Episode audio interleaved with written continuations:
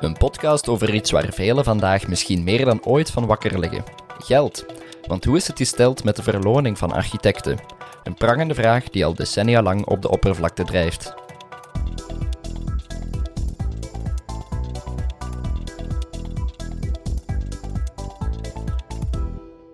Welkom bij de podcast over de verloning van architecten. Een gevoelige kwestie die vraagt voor gespecialiseerde gasten. De eerste persoon aan tafel is daarom Johan Rutgeerts. Jarenlang docent management aan de KU Leuven en een tiental jaren geleden voerde hij een globale studie uit over de workload van architecten, waaruit kon worden afgeleid hoeveel tijd architecten spenderen aan hun prestaties. Er is veel verbeterd sinds dat de Vlaamse bouwmeester het systeem van eh, selectie enzovoort heeft ingevoerd. Waardoor dat het niet meer is van ik ken Jan, Pier en Polken om aan opdrachten te geraken, maar daar het gaat over architectuur en kwaliteit en het bureau. Maar de keerzijde van de medaille is dat iedereen die in dat spel wil meespelen, 5, 10, 15 procent van zijn omzet steekt in wedstrijden. En dat is een zware kost. Onze tweede gast is Steven Lano, directeur van Netwerk Architecten Vlaanderen, de beroepsvereniging van architecten in Vlaanderen. Voor NAV is de verloning van architecten een van de prioriteiten waarop het wil inzetten, omdat blijkt dat architecten een stuk minder tevreden zijn over hun job en verloning dan de gemiddelde Vlaming. En dat is de grootste bedreiging voor onze sector, dat we onze beste mensen, omwille van verkeerde redenen, dat we die gaan kwijtraken aan andere sectoren. En dat we zo die creativiteit en de brains, eigenlijk het enige waar we kunnen uh, ja, opstoelen, dat, dat, we dat, uh, dat we dat voor een stuk gaan verliezen. De derde gast is Vincent van den Broeke, architect en bestuurder van architectenbureau Blanco Architecten. Hij krijgt dagelijks te maken met het spanningsveld tussen de verkoopbaarheid naar klanten toe en de verloning van de werknemers. En het onderwijs en die instap in het beroepsveld. Ik denk als we die combinatie al zouden kunnen, een beetje kunnen richting het werknemerschap, uh, een normale vergoeding, net zoals een andere master die afstudeert. Een master in handelswetenschappen, een master in de geschiedenis die gaan ook niet aan de slag als zelfstandigen aan uh, eh, 12 euro per uur. Hè. De host van deze aflevering is Lisbeth Verhulst van redactiebureau Palendroom. Mijn naam is Stef Pennemans, ik stond in voor de opnames, montage en voice-over. Deze podcast werd mede mogelijk gemaakt door onze structurele podcastpartners Reinaars Aluminium, Van der Zande, Assiver en All Colors of Communication.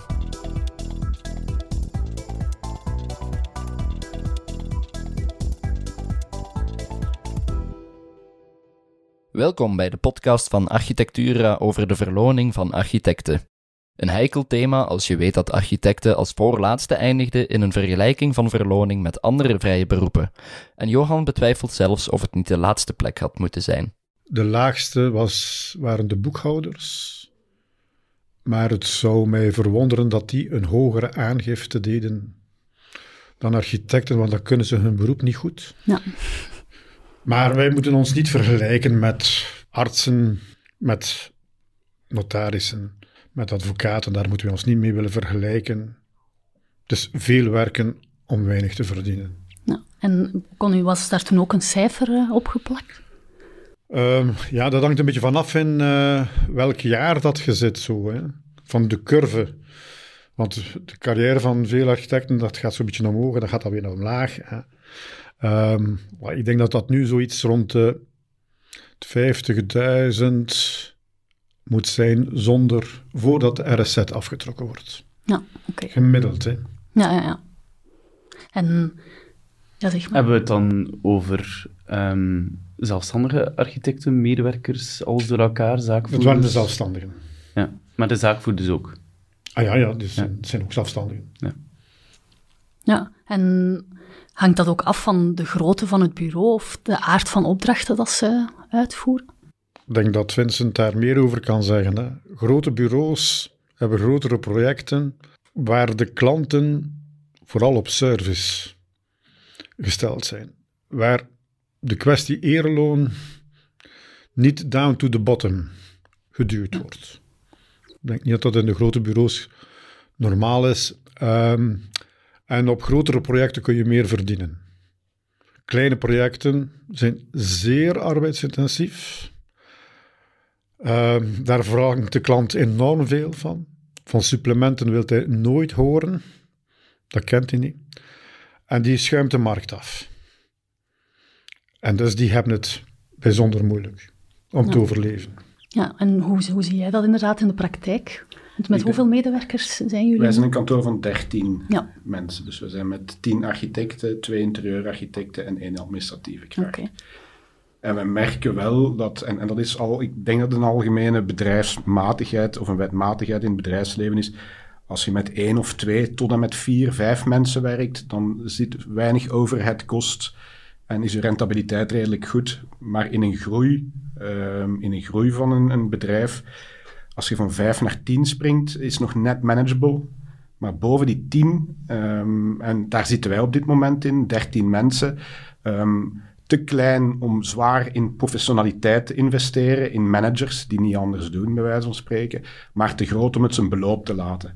En we zitten daar in een heel moeilijke situatie op vlak van, ja, wat gaan we nu investeren um, om de boel eigenlijk beter te managen? Maar hoeveel gaat dat kosten? En er zijn een aantal mensen die pure overhead worden. Maar op een team van tien architecten is dat eigenlijk te zwaar. Dus eigenlijk die rentabiliteit, het is continu het spanningsveld zoeken van ja, wat is nu nog rendabel om te doen en wat niet. En ik denk dat dat zich er ook enerzijds manifesteert in het type projecten dat je nog kunt aannemen en op welke manier je dat kunt aannemen. Dus ik denk ook uh, de manier waarop het ereloon wordt bepaald is echt, echt beslissinggevend of beslis, ja, dat, dat, is echt beslissend om te zeggen van kijk, um, engageren wij ons als kantoor nog in dit type project? Ja, dan nee. Ja. En het heeft echt te maken met die groeiomslag Um, ik denk als we zouden kunnen evalueren vanaf een kantoor van 13 à 15 mensen naar een van 20, dan zeg je die kritische massa voorbij. En dan kun je wel mensen gaan zetten. Dan kun je bij wijze van spreken een master in de economie gaan aantrekken of, of handelsingenieur om te gaan zeggen, kom, jij komt nu eigenlijk ons kantoor zuiver managen. Maar dat kan nog niet op, op onze schaal bijvoorbeeld. Ja, ja oké. Ja, jullie... Misschien nog een kleine nuance dat ik graag had aangebracht bij de kleine versus uh, grote projecten. Um, het is zo denk ik dat het heel hard afhangt, en dat sluit wel aan bij, bij, bij wat Vincent vertelt, um, van de markt waarop dat je als uh, kantoor wil, wil richten. Maar ook bij de kleine projecten heb je opdrachtgevers die effectief ook wel willen betalen voor de waarde die een bepaald architectenkantoor biedt. Je hebt een aantal opdrachtgevers en dan komen we bij een andere problematiek die eigenlijk niet met een architect willen werken. En daar, ja, dat is heel moeilijk om daar rentabiliteit uit te halen. Daar moeten we ook ons over buigen als sector, wat dat we daar eigenlijk mee willen doen in de toekomst. Um, maar er zijn ook wel heel wat opdrachtgevers die wel willen betalen voor de meerwaarde van een architect. En typisch kleinere bureaus kunnen zich inderdaad ook wel organiseren om daar een bepaalde rentabiliteit uh, uit te halen. Nu we een beeld hebben van wat de situatie is binnen de bureaus, kunnen we op zoek gaan naar waar de oorzaak ligt van het feit dat architecten te weinig verdienen. Is het dan misschien vooral omdat bureaus te weinig vragen voor de taken die ze uitvoeren? Is het misschien vooral omdat bureaus te weinig vragen voor de taken die ze uitvoeren? Er bestaat zoiets als concurrentie. Ja. We zijn met veel. Mhm. Heel veel. Op dat vlak zijn er altijd die klaarstaan om tegen lagere prijs als het moet iets te gaan doen.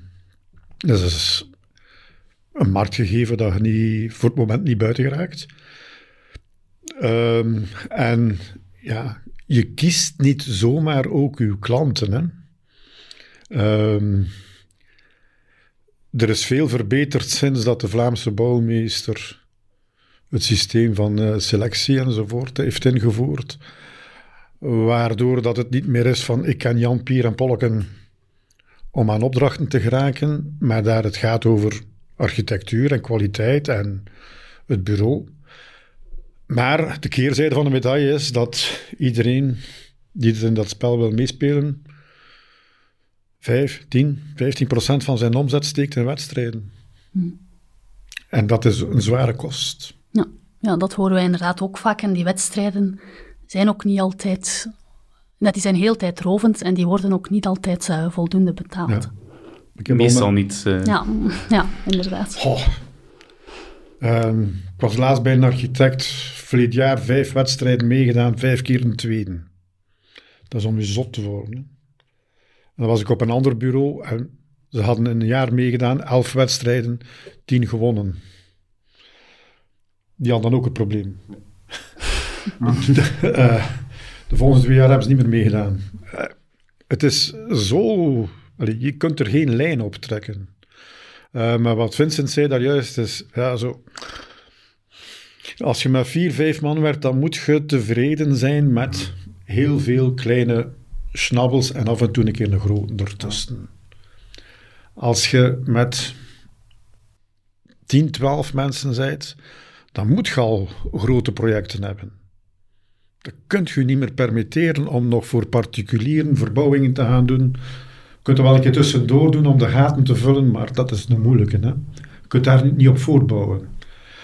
En uh, ja, uh, dan is dat fameuze plateau dat je er zit aan te komen, 20. Ik was laatst bij een bureau en die waren met 20 en die zei: Ja, ik heb een financiële directeur en die gaat contracten onderhandelen. Ik doe dat niet meer. Ik praat over architectuur, ik praat over het werk, ik praat over. Maar ik ga niet meer gaan onderhandelen. Dat is voor mijn directeur. En dat faciliteert veel. Ja. Dat is dan een heel zakelijk gesprek. Hm. Architecten zijn ook altijd zo'n beetje getriggerd door die opdracht die moeten we hebben. En klanten rekenen dat zeker. Ja, ik denk dat er fundamenteel twee zaken eigenlijk onderliggend zijn aan, aan de problematiek. Ehm, ten eerste is die concurrentie die je aanhaalt. Maar we organiseren natuurlijk zelf die enorme concurrentie in onze sector. Onder andere door het systeem van zelfstandige medewerkers, waarbij dat de drempel om eigen projecten te doen aan veel te lage eerrol. Iedereen moet natuurlijk in de fase van de opstart van het bureau door dat leerproces van hoeveel moet ik vragen. En je kan niet beginnen met het meeste te vragen. Of dat is toch moeilijk. Dus dat, dat stimuleert voor een stuk die concurrentie die we onszelf aandoen. En ook daar moeten we onszelf in ogen durven kijken van wat willen we daar in de toekomst mee doen. En dan is denk ik een tweede iets wat we gemeen hebben met andere vrije beroepen, um, waar dat uh, vrije beroepen vroeger op financieel vlak was uw broodje bijna automatisch gebakken, eenmaal dat je ja, architect, architect of dokter of wat dan ook was. Um, nu, vooral voor architecten zitten we in een situatie waarin we eigenlijk ja, in een echte vrije marktomgeving terechtgekomen zijn. Um, en waarbij er veel, veel concurrentie is. Dus we moeten ook de stap zetten naar meer ondernemerschap uh, vanuit onze sector, naar meer professionalisering. Um, en daar hebben verschillende spelers een rol te spelen, het onderwijs, maar zeker niet enkel alleen het onderwijs, want het gaat ook over de architecten die momenteel in het beroep zitten. Um, als, als beroepsvereniging moeten we daar een rol spelen. En ik denk dat we een mentaliteitswijziging moeten hebben, um, waarbij dat we de, de waarde van de vrije beroeper, die we absoluut moeten blijven onderschrijven, combineren met uh, echt ondernemerschap en het uh, zorgen voor onze eigen sector, dat we ook financieel krijgen wat we, wat we verdienen. Een mentaliteitswijziging, en die moet plaatsvinden op verschillende niveaus. Dat haalt Vincent meteen aan wanneer hij antwoordt op de vraag wat een bureau moet doen om een gezond bedrijf te zijn. Op het einde van het jaar winst maken. Ja. En dat is nog altijd in onze sector een heel lelijk woord. Uh, heb ik de indruk vaak. Als je zegt een gezond bedrijf, ik, ik, heb, ik maak winst, ik kan herinvesteren. Um, dat wordt vaak zo niet beschouwd. Uh, als architect, ik heb ooit een collega gesproken, ik ga dat nooit vergeten, en die zei, om een goed architect te worden, moet je zwarte sneeuw gezien hebben. Ik vind dat een onvergeeflijke uitspraak, zoiets. Naar, dat was dan iemand die jonge mensen opleidde. En dan denk ik, als dat nog steeds het credo is waarmee we aan ons beroep beginnen, daar, daar gaat het al fout eigenlijk. Ja, ja. Dus eigenlijk zijn wij net als elk ander bedrijf een bedrijf dat winst moet maken. En ik denk dat je daar heel je bedrijf moet rond organiseren. En dan is het nog niet makkelijk hoor. Maar toch moeten we daar naar streven. En hoe komt dat dan dat er zo ingebakken zit, denken jullie? Wordt het, komt het inderdaad in het onderwijs ik, bijvoorbeeld? Ik, denk dat, uh, ik kan maar alleen terugkijken naar hoe ik opgeleid ben destijds, maar wij werden opgeleid als creatieve Einzelgangers. Hè. Wij als architect, wij gingen het na onze studies eens waarmaken. Hè. Wij gingen het warm water opnieuw uitvinden. En ik, ik vrees, dat kan, ik kan het nu zelf niet meer uit eigen ervaring zeggen, maar ik vrees dat dat in het onderwijs nog altijd een beetje heerst. Ja. ja u hebt in het onderwijs gestaan. Is dat zo? Ah, ik heb het geluk gehad van een directeur te hebben, een bepaalde periode, die dat belang inzag. En dat we voldoende credits kregen en uh, het initiatief mocht nemen voor permanente vorming nadien enzovoort. Dus, uh, ik heb nadien gemerkt dat niet elke directeur of elk departementshoofd dezelfde visie erop nahield. Dat we soms zelfs in de verdomdhoek werden gestoken. Dus uh, daar begon het al. Maar je hebt gelijk, ben ook, ze hebben mij ook gezegd, je gaat tien jaar zwarte sneeuw zien. Ehm, maar ik moet wel zeggen dat er iets, iets toch veranderd is bij de jongeren nu. Ehm, ze, die drang naar een eigen kantoor zit er bij een redelijk aantal nog in, maar het vermindert wel. Je ziet meer en meer jongeren.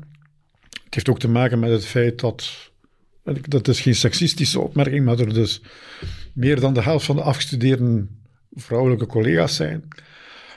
Ehm, die ook weten dat een eigen kantoor en een eigen carrière dat dat een moeilijke wordt. Ehm, en die zie je ook wel meer op de kantoren. Het aantal vrouwelijke medewerkers op kantoren is aanzienlijk hoger dan de mannelijke. omdat ze daar meer in loondienst kunnen werken. Uh, ook als zelfstandig bij velen. Ehm, want dat is een oud zeer dat zelfstandig zijn. Maar dat is dus geen uniek Belgisch fenomeen. Hè? Dat is heel Europa door. Hè? Laten we daar. Het is niet gezond, het is niet goed, het is niet lekker. Maar wij zijn niet de enigen daarin. Uh, wij zijn, de, heel Europa is zo. Het hangt samen van de zelfstandige medewerkers. En de kranten en dat, wat weet ik allemaal ook. Ja, maar het, het, het, zal ook, um, mijn inzien, zal het een groter probleem nog worden in de toekomst, net omwille van wat hij beschrijft. We zien inderdaad een, een, een schaalvergroting ontstaan met meer groter kantoor, met medewerkers. Um, maar we zitten ook in een situatie, historisch gezien, met een krapte op de arbeidsmarkt die, ja, die, die, die we nooit eerder hebben gekend. Um, en dat wil zeggen dat we in concurrentiestrijd gaan, niet enkel met architectenbureaus, om die architecten te verzamelen, maar ook met heel wat anderen, die andere voorwaarden op tafel leggen. Um, en dat is de grootste bedreiging voor onze sector, dat we onze beste mensen, omwille van verkeerde redenen, dat we die gaan kwijtraken aan andere sectoren. En dat we zo die creativiteit en de brains, eigenlijk het enige waar we kunnen uh, ja, op stoelen, dat, dat, we dat, uh, dat we dat voor een stuk gaan verliezen. En, en ook dat is opnieuw iets waar we, ja, waar dan we een antwoord gaan moeten uh, op verzinnen. En dan zitten we ergens in de tweespalt tussen verloning um, van medewerkers en wat een zelfstandig architect verdient. Maar die twee zaken hangen gewoon aan elkaar vast. Uh, want het is niet eenmaal uw belangrijkste kost, ook als uh, kantoor. Mhm. Dus als we allemaal samen um, ja, an andere voorwaarden hebben voor, uh, voor onze medewerkers, dan zal het ereloon er ook op moeten vooruitgaan. En ja, iets wettelijke minimumtarieven voor die erelonen, dat komt in die discussie ook wel eens naar boven. Hoe staan jullie daar tegenover? Ik heb daar altijd enigszins in geloofd, maar hoe langer hoe minder eigenlijk. Ik denk, we zitten inderdaad in een markt waar de architect zich als ondernemer moet gaan positioneren. En ik denk dan ook dat de architect zelf zijn berekeningen moet maken en zichzelf moet vermarkten. Moet daar dan een, een, een orgaan boven zitten dat zegt, en nu moet je minstens zoveel of maximaal, zo, maximaal zoveel vragen. Ik ben daar hoe langer hoe minder van overtuigd. Oké. Ik denk dat die minima net een omgekeerd effect zouden kunnen hebben. Het is een beetje de, de minima die ook ehm, uh, door de Orde voor Stagiairs worden, uh, worden naar voren geschoven. Um, al noem je het een minimum, het is een soort van baken. Hè? Um, het is een baken van de onderkant. Uh, ik denk dat het interessanter is om de kantoren te helpen om een verstandig verloningsbeleid uit te tekenen. En wat bedoel ik daarmee? Waarschijnlijk doen we dat bij NAV zelf ook. Um, we hebben onze, onze verloning laten benchmarken. Um, sociale secretariaten kunnen u daarbij helpen. In onze sector, hè, als beroepsverenigingen, is iedereen natuurlijk bediend, dus dat is wat makkelijker. Maar zij kunnen meten aan uh, welk gemiddeld loon er eigenlijk in, een, in, in uw regio betaald wordt voor een dergelijke functie. En dan kun je als bedrijf kiezen van, ja, ik ga meer betalen dan dat loon. Of je kan ook zeggen, kijk, ik betaal een beetje minder dan het gemiddelde. Um, maar ik bied andere voordelen aan. En dat is ook iets wat architectenbureaus kunnen doen ten opzichte van bijvoorbeeld andere sectoren. Een interessantere job, uh, het creatieve, heel uitdagend en zo verder. Um, dus je kan je daarin positioneren. En dat is meer een dynamiek die zal zorgen voor gezonde verloning, dan wel het zetten van minima die ja, minima blijven en, um, en denk ik alleen maar voor frustraties uh, zullen zorgen. Je moet een beetje opletten wat er eerst was. Hè. Um, ik vind dat allemaal koordag graag. Maar dat is eigenlijk een beetje de kar voor het paard spannen. Dat jullie doen. Uh, in Duitsland hebben we lang die HOAI gekend, honoraar voor architecten en ingenieuren. En dat was tot voor een jaar of twee wettelijk tarief. Uh, ze hebben dat moeten verlaten. Maar die, die, heerlonen waren hoog. Die waren goed. Um, maar daar hebben ze toen ook, als ze dat ingevoerd hebben in 1972, hebben ze dan wel een keer naar de kantoren gaan kijken, van, want die zaten ook met dat systeem van zelfstandige medewerkers. Jongens, nu dat jullie zoveel betaald worden, nu gaan ze als bediende inschrijven. En dat had een gunstig effect, omdat de mensen dan langer bleven, ze werden goed betaald, geen zin om een eigen kantoor enzovoort. Um, ook, uh, ja, je doet veel aan kennisopbouw enzovoort. En in je kantoor, know-how enzovoort. En dat moet je koesteren, dat moet je hebben, want dat is de kracht van je kantoor. Nu dat dat weer verlaten wordt, nu zal de concurrentie weer groter worden, gaat dat zien. Er zullen er weer minder zijn die dat zullen doen. Want, um, ik moet een kat en kat noemen, hè. Uh, bediendecontracten zijn veel zwaarder in betalen dan het zelfstandig medewerker zijn. Tenzij dat je zegt van ja, projectarchitecten, uh, die zitten al in hogere schijven. Maar je moet eerst hogere eerloon binnenhalen, eer dat je kunt je medewerkers goed betalen. En ik hoor zo altijd zo het. Je moet eerst je medewerkers goed betalen en dan gaat je hogere eerlonen kunnen vragen. Ja, zo werkt het niet, hè. Uh, je moet eerst aan die hogere eerlonen geraken. En uh, dat blijft een zwakke schakel bij ons. Nou, moeten architecten daar meer op hun strepen staan bij de opdrachtgevers? Uh, ja. ja, maar, maar, het zijn natuurlijk, als het, op, als het op niveau van een bedrijf bekijkt, is dat absoluut waar. Je moet eerst dat hogere loon kunnen vragen voor die medewerker te kunnen betalen. Als het op niveau van een sector bekijkt, dan is dat wel, zijn er daar dynamieken die elkaar versterken. Ja, ja. En het, het gemiddelde eerloon, want je kan ook op je strepen staan als architect, maar je kan dan zodanig veel vragen, maar kijk, ik zou eigenlijk zoveel meer mensen willen betalen, dus ik moet eigenlijk daarvoor zo'n ereloon hebben. Maar als de markt niet meegaat, als je concurrentie niet meegaat, ja, dan, dan gaan we ook geen klanten hebben. Dus het is eigenlijk opbouwen van uh, wat we moeten doen in de sector om naar een, een, een beter resultaat voor, voor het geheel te gaan. Ik heb dat gehoord uh, tien jaar geleden al, uh, de G30. De 30 grootste bureaus, zijn ondertussen met 40, enfin goed. Die gingen dat ook eens doen. En ze gingen ook niks meer aanvaarden onder een bepaalde ding. Ah, ze gingen eendrachtig. Want zij hadden, laten we eerlijk zijn, zijn ongeveer 80% van het werk. Die man, dus die, die, die halen veel omzetten binnen. Hm. Die hebben dat niet lang volgehouden, die strategie. Die zijn zelf weer beginnen marchanderen onder elkaar. Ja ik wil misschien wel nog even terugkomen op, en, en ik denk dat dat vaak gehoord misverstand is. Het is iemand in bediende statuut aanwerven, moet niet noodzakelijk meer kosten dan een zelfstandige aanwerven. Helemaal niet. Je kunt dat perfect levelen op kantoorniveau. Wij hebben die oefening nu ook gemaakt. Wij bieden beide uh, statuten aan aan onze medewerkers. Die, die keuze is vrij. Dat kost ons als bedrijf op het einde van het jaar niet meer of niet minder. Wat wel zo is, is dat er meer administratie voor het bedrijf zelf aan te pas komt. Dat is, dat is waar. Maar zuiver financieel is dat geen verschil. En nogthans wordt dat vaak gezegd, ja, maar dat is allemaal zoveel duurder en zo. Dat is dus niet waar. Ik denk dat de geloofwaardigheid van ons als sector alleen maar kan toenemen door, net als in andere sectoren, volwaardige werknemers in dienst te nemen. Het, het leidt tot continuïteit in de bedrijfsvoering. Het brengt rust in uw kantoor. Dus ik denk dat er heel veel zaken zijn die wel degelijk pleiten in de richting van het werknemerschap, ook in onze sector. Maar op dit moment, je merkt nog, de cultuur is nog altijd een cultuur van zelfstandige medewerkers. Dus de overstap maken van dag op dag van het zelfstandig statuut naar een volledig werknemersstatuut, dat vergt als kantoor wel moed. Omdat je zo wel een keer de helft van je personeel zou kunnen zien vertrekken. Dus vandaar dat wij ook wij hebben nu geopteerd voor beide in een soort hybride overgangsfase nu, maar wij pleiten wel voor nieuwe medewerkers om in het werknemersstatuut te stappen. Ja, maar jullie zijn een kantoor waar je medewerkers goed betaalt, hè? Om ze te, te kunnen eh, houden, is dat, is dat ook nodig, hè? Maar er zijn nogal wat verschillen in veel kantoren. Maar dat is, eh, dat zijn andere sectoren ook zo. En dat is met bediendencontracten ook zo. Het klopt dat dat niet per se meer hoeft te kosten. Het kost, uh, zelfstandig medewerkers zijn goedkoper als je niet veel rekent. Want dan kijkt je gewoon naar je netto-netto. Ehm, in een uh, omgeving met, uh, met bedienden, helaas, door de complexiteit van het systeem, is het heel moeilijk om te weten van, ja, wat is hier nu de netto waarde? Maar je, kan het wel. En dat is iets dat je dan moet doen als bedrijf, om ook te kunnen tonen aan die medewerker um, van, ja, kijk, dit is wat je loon eigenlijk uh, waard is. Hè. Je hebt je netto, maar je krijgt ook je vakantiegeld erbij.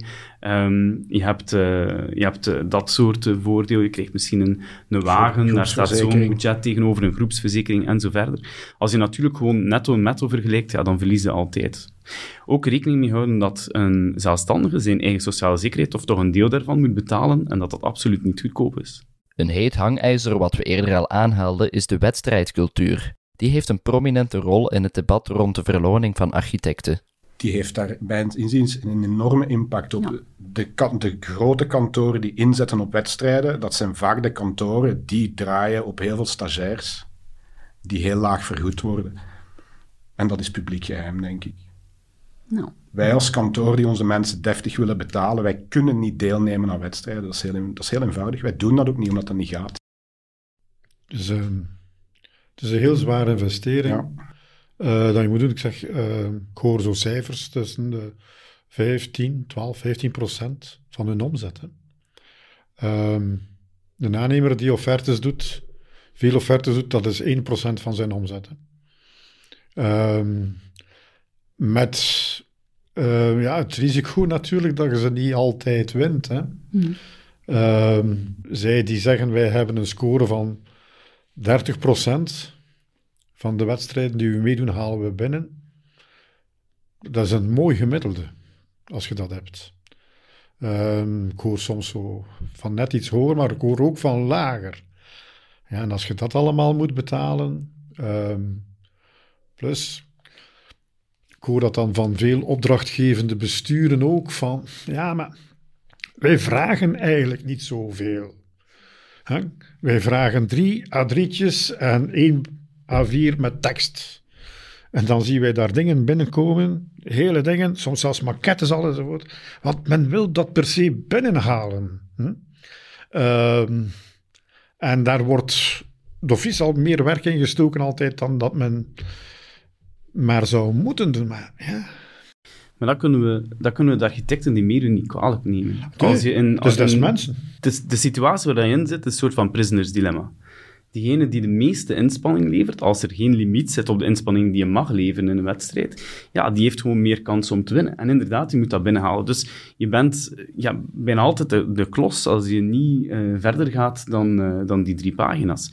En eigenlijk moeten we de overheid duidelijk maken, we zijn al heel hard aan het uh, proberen de laatste jaren, Um, dat, wat ze eigenlijk doen door het systeem van wedstrijden dat nu bestaat, is collectief eigenlijk heel veel uh, welvaart vernietigen. Er worden enorm veel ontwerpen gemaakt, heel hard in detail, zonder dat dat nodig is uh, in die fase en die worden gewoon weggegooid. En natuurlijk, als er welvaart vernietigd wordt, is dat een reden waarom dat er minder rentabiliteit in die sector overblijft en dat we lagere verloningen hebben. Dus om terug te keren op je vraag, ja, dat is een van de belangrijke redenen um, waarom dat er ook ja, een, een, een, druk naar beneden zit op, uh, op die erelonen. Um, en het kan wel beter. Uh, het kan absoluut beter, omdat een, een, als de overheid beseft dat ze die welvaartsvernietiging doet, um, dan weet ze ook dat het ten haar belang is op lange termijn om de wedstrijdcultuur te verbeteren. En dat gaat niet in de eerste plaats om de vergoedingen die moeten voorzien worden, dat is ook belangrijk. Maar het gaat in de eerste plaats om werk dat moet verminderd worden, waarbij het, systeem moet zijn dat wanneer er meer wordt gedaan dan gevraagd, dat dat dan niet meetelt, dat je dan niet kan meedoen als uh, architect, aan, aan, of dat je niet in de selectie geraakt. Um, waardoor dat, dat business dilemma eigenlijk doorbroken wordt. Dat kost aan de overheid geen geld. En dat brengt op voor alle partijen die eigenlijk in dat proces zitten. Een tweede belangrijk element is dat we ook moeten um, een systeem hebben waarbij dat afhankelijk van wat er gevraagd wordt in, in, in, in biedingsfase, dat er toch altijd een soort van vergoeding wordt voorzien, waarbij dan een overheid dan ook ziet, de opdrachtgevende overheid die vaak heel weinig ervaring heeft, en dan niet kan inschatten welk werk dat dat oplevert, dat hij ziet van, ah, tja, als ik dat vraag, dan kost mij dat zoveel. Maar als ik dat vraag, zoveel, ja, dan gaan we, dat is eigenlijk niet nodig. Terwijl ze natuurlijk niet moeten betalen ervoor, dan denk ik zo, ja, dat zou wel leuk zijn, mochten we hier, uh, mochten we hier een maquette zien en mochten we op basis daarvan uh, kunnen kiezen. Dus ja, daar moeten we heel hard, uh, moeten we heel hard op inzetten. En zien jullie dat dan als taak voor architectuurorganisaties zoals NAV of de Orde? Ja, inderdaad. Ehm, we zien het al sinds als onze taak. Ehm, we hebben een, uh, vorige zomer ons standpunt, we hebben al jaren daar een standpunt over, we hebben dat wat uh, bijgeschaafd en wat uh, verdiept. Um, ik heb vandaag net een, een, voorstel voor aanpassing aan de overheidswetgeving ontvangen, dat we ook willen promoten bij de federale overheid. We hebben de federale overheid al zover gekregen dat ze minstens overwegen om een sectoraal charter te maken voor de architectensector, waar dan een aantal richtlijnen zouden instaan. Nu, we weten dat het een lang proces is, um, waar dat we al lang ook uh, aan bezig zijn, maar we hebben een aantal concrete doelen voor ogen die we daar uh, in de komende jaren willen realiseren, en die dan binnen een aantal jaar ook in die verloning eigenlijk een effect zouden moeten resulteren. Ja. Uh, hoe zien jullie de rol van de orde of NAV daar bijvoorbeeld? Oh, um, de, uh, het is op verzoek van de Vlaamse bouwmeester trouwens dat we die, die studie gedaan hebben, uh, een paar jaar geleden. Betreur dat wel een beetje dat zowel het NAV als de orde daar eigenlijk nadien niet veel mee gedaan hebben. Maar goed, um, dat was de bedoeling van de Vlaamse bouwmeester om dat gegeven dan te gebruiken bij de onderhandeling met de besturen. Want we komen van heel ver. Hè? We komen van gemeenten die gewoon waren van Jan, Pier en Polke van de gemeente op de zoveel jaar een keer een opdracht te geven, dat ze zeiden, ja, maar je moet dat overtrekken. Dus we gingen al niet meer aan cliëntelisme gaan doen. Dan was het van, ja, maar je moet ze goed betalen. Ja, je moet wedstrijden organiseren. En je zou eigenlijk die fase wedstrijd ook al een budget voor moeten zien. Wat zeggen die gemeenten, die lokale besturen? Kost al genoeg, hè? Um, wij hebben kunnen aantonen wat dat uh, de workload is, want het gaat eigenlijk allemaal om in, uren. Hè. Uh, overheadkosten, oké, maar dat is niet het grootste aandeel. En uh, ja, um, ik vind dat nog altijd spijtig dat men daar eigenlijk toen op dat momentum zo'n keer niet aan hetzelfde zeel getrokken heeft en, en stappen gezet heeft. Maar het is nooit te laat om dan een keer de zaak te hernemen. Dit geldt voor de rol van organisaties. Maar wat kan een individueel architectenbureau doen om de verloning van het eigen beroep te verbeteren? Volgens Vincent is het vertrekpunt vrij eenvoudig. Wij beginnen uiteraard steeds en opnieuw van, van een leefbaar loon voor de medewerkers. Daar, daar begint eigenlijk alles mee. En van daaruit bouwt je eigenlijk als kantoor op naar, ja kijk, dat is onze kritische massa. Dat hebben wij per maand nodig, per jaar nodig, om gezond en wel te kunnen functioneren. En dan moet je kijken wat, wat daarvoor aan de klant moet gevraagd worden. Um, wij baseren ons daar nog steeds voor op de klassieke percentages van, van weleer. Ik denk dat dat als, als je werk te goed doet, um, van A tot Z, dat dat nog altijd een leefbaar verhaal is. Sowieso. Um, we hebben ook wel gezegd van, kijk, voor wat kleinere projecten werken we enkel in regie bijvoorbeeld. Dat is uh, uurtje, factuurtje. En dan een beetje atypisch zijn we daar wel in, um, denk ik. Zoals Johan zei, als, als groter of middelgroot kantoor kun je niet meer bezig zijn met die kleinere projecten. Ik denk dat in ons specifiek geval dat, dat 80% van onze opdrachtenportefeuille is nog steeds die, die particuliere eindklant. Dus wij werken nog heel veel B2C, maar alles onder een bepaald bedrag werken wij per uur. En dan is dat heel goed leefbaar. Maar we moeten het uiteraard zo verkocht krijgen. Hè. Dat, dat is een feit. Maar ik denk niet zozeer, en op een bepaald moment, uiteraard moet je voldoende ereloon vragen om het allemaal haalbaar te maken, om winst te maken, om te kunnen herinvesteren. Maar het is ook, wat biedt je uw klant daarvoor? Dus ik denk dat de discussie, de discussie gaat altijd heel veel in de richting van hoeveel vraagt je en wat is je percentage en wat, wat is een minimumloon. Maar wat doen we daarvoor? Welke service bied je daarvoor? En vandaar ook dat ik een beetje afgestapt ben van de idee van moet er wel een minimum barema zijn? Of nee, wat bied je uw klant? En wat is de klant bereid u daarvoor te betalen? En ik denk dat daar opnieuw de, de, uw marktpositie die je als ondernemer aanneemt en hoe je je markt zet en hoe je zelf verkoopt, heeft daar een enorme invloed op. Ja, is daar niet soms het probleem van wat wil de klant daarvoor betalen?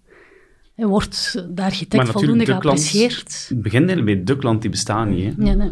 En uh, als we allemaal uh, ons richten op de klant en heel de discussie over minimumtarieven en zo verder, ja, begint daar al van een verkeerde ja, uh, insteek. Ehm, en, en daar is het belangrijkste om aan te sluiten op, op een andere vraag die, die je daarnet gesteld hebt. Wat moet je als kantoor doen, en het komt hetzelfde neer, om uh, financieel uh, rendabel te zijn? Ik denk dat een strategie hebben als kantoor, dat dat het belangrijkste is uiteindelijk. Um, je moet uh, weten op welke klant je wilt richten. Je moet eigenlijk je klanten wel voor een stuk gaan kiezen. Um, en er moet een soort van financieel en commercieel luik vasthangen aan die strategie. En dat betekent ook dat als um, zelfstandige en of kantoor um, ja, dat je ook moet bijscholen op dat vlak. En dat je niet enkel ook op het architecturaal en technisch moet bijscholen, maar ook op managementvlak.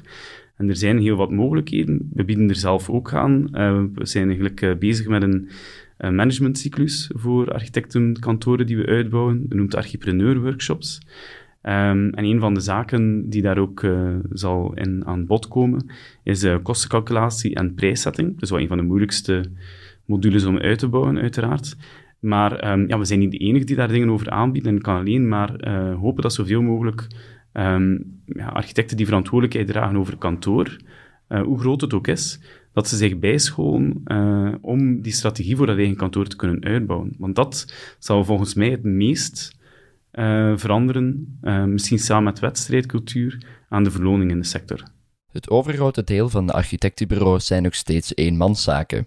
In een column op Architectura schreef Johan: Als de erelonen te laag zijn, dan is dat omdat we met te veel architecten zijn. Wat bedoelt hij daar precies mee? Elk kantoor moet voor zichzelf ook zo een nakalculatie doen. En er zijn er heel weinig die dat doen.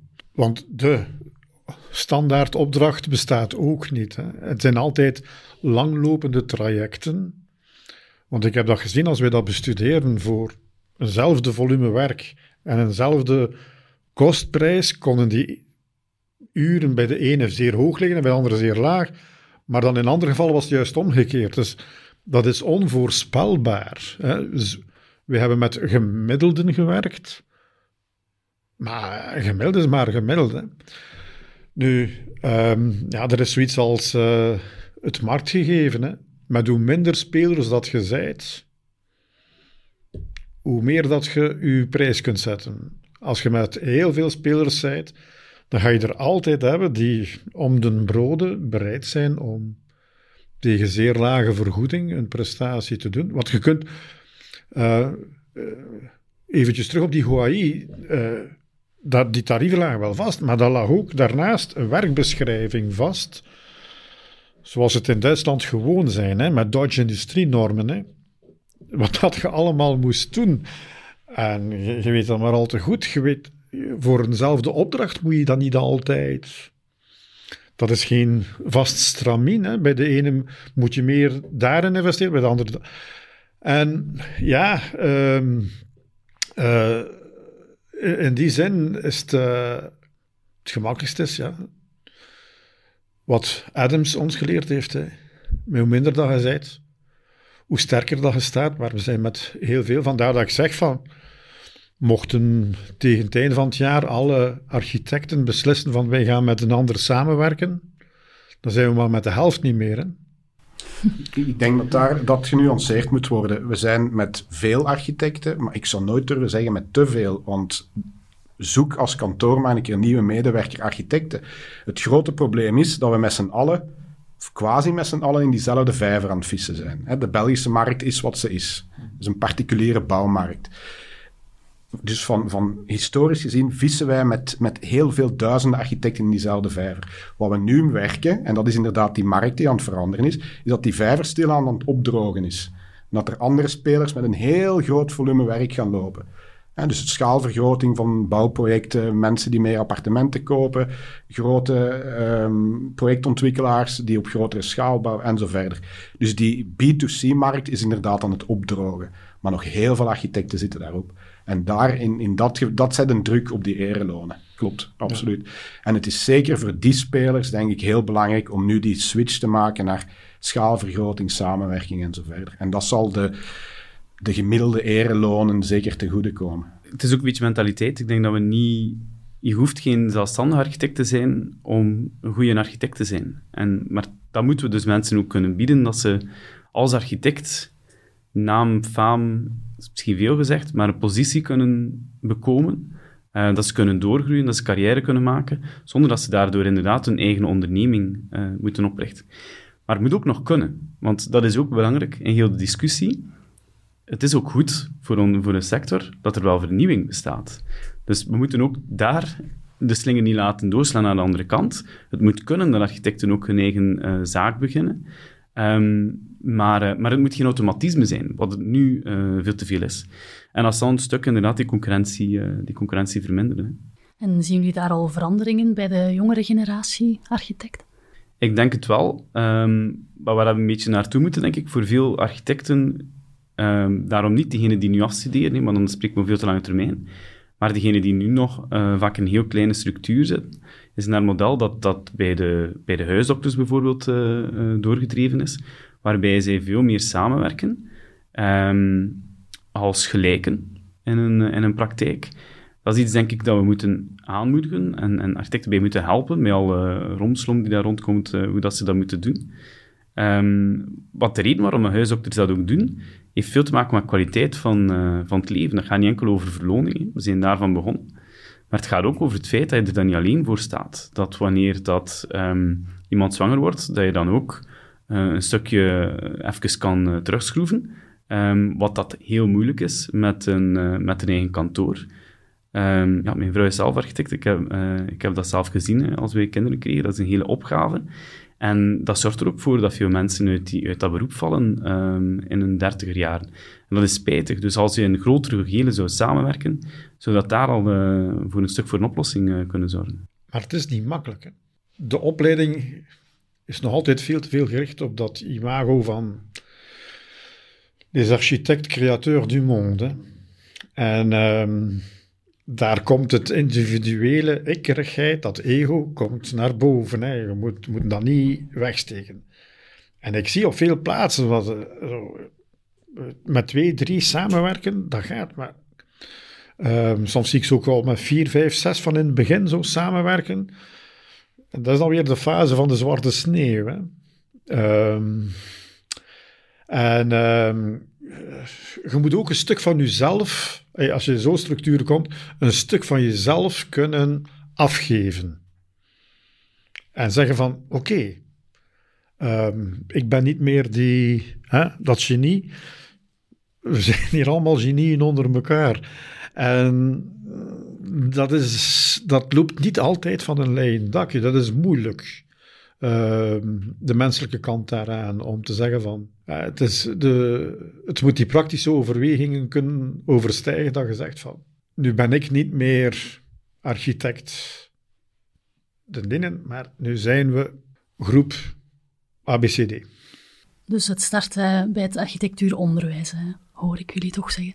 Voor een stuk.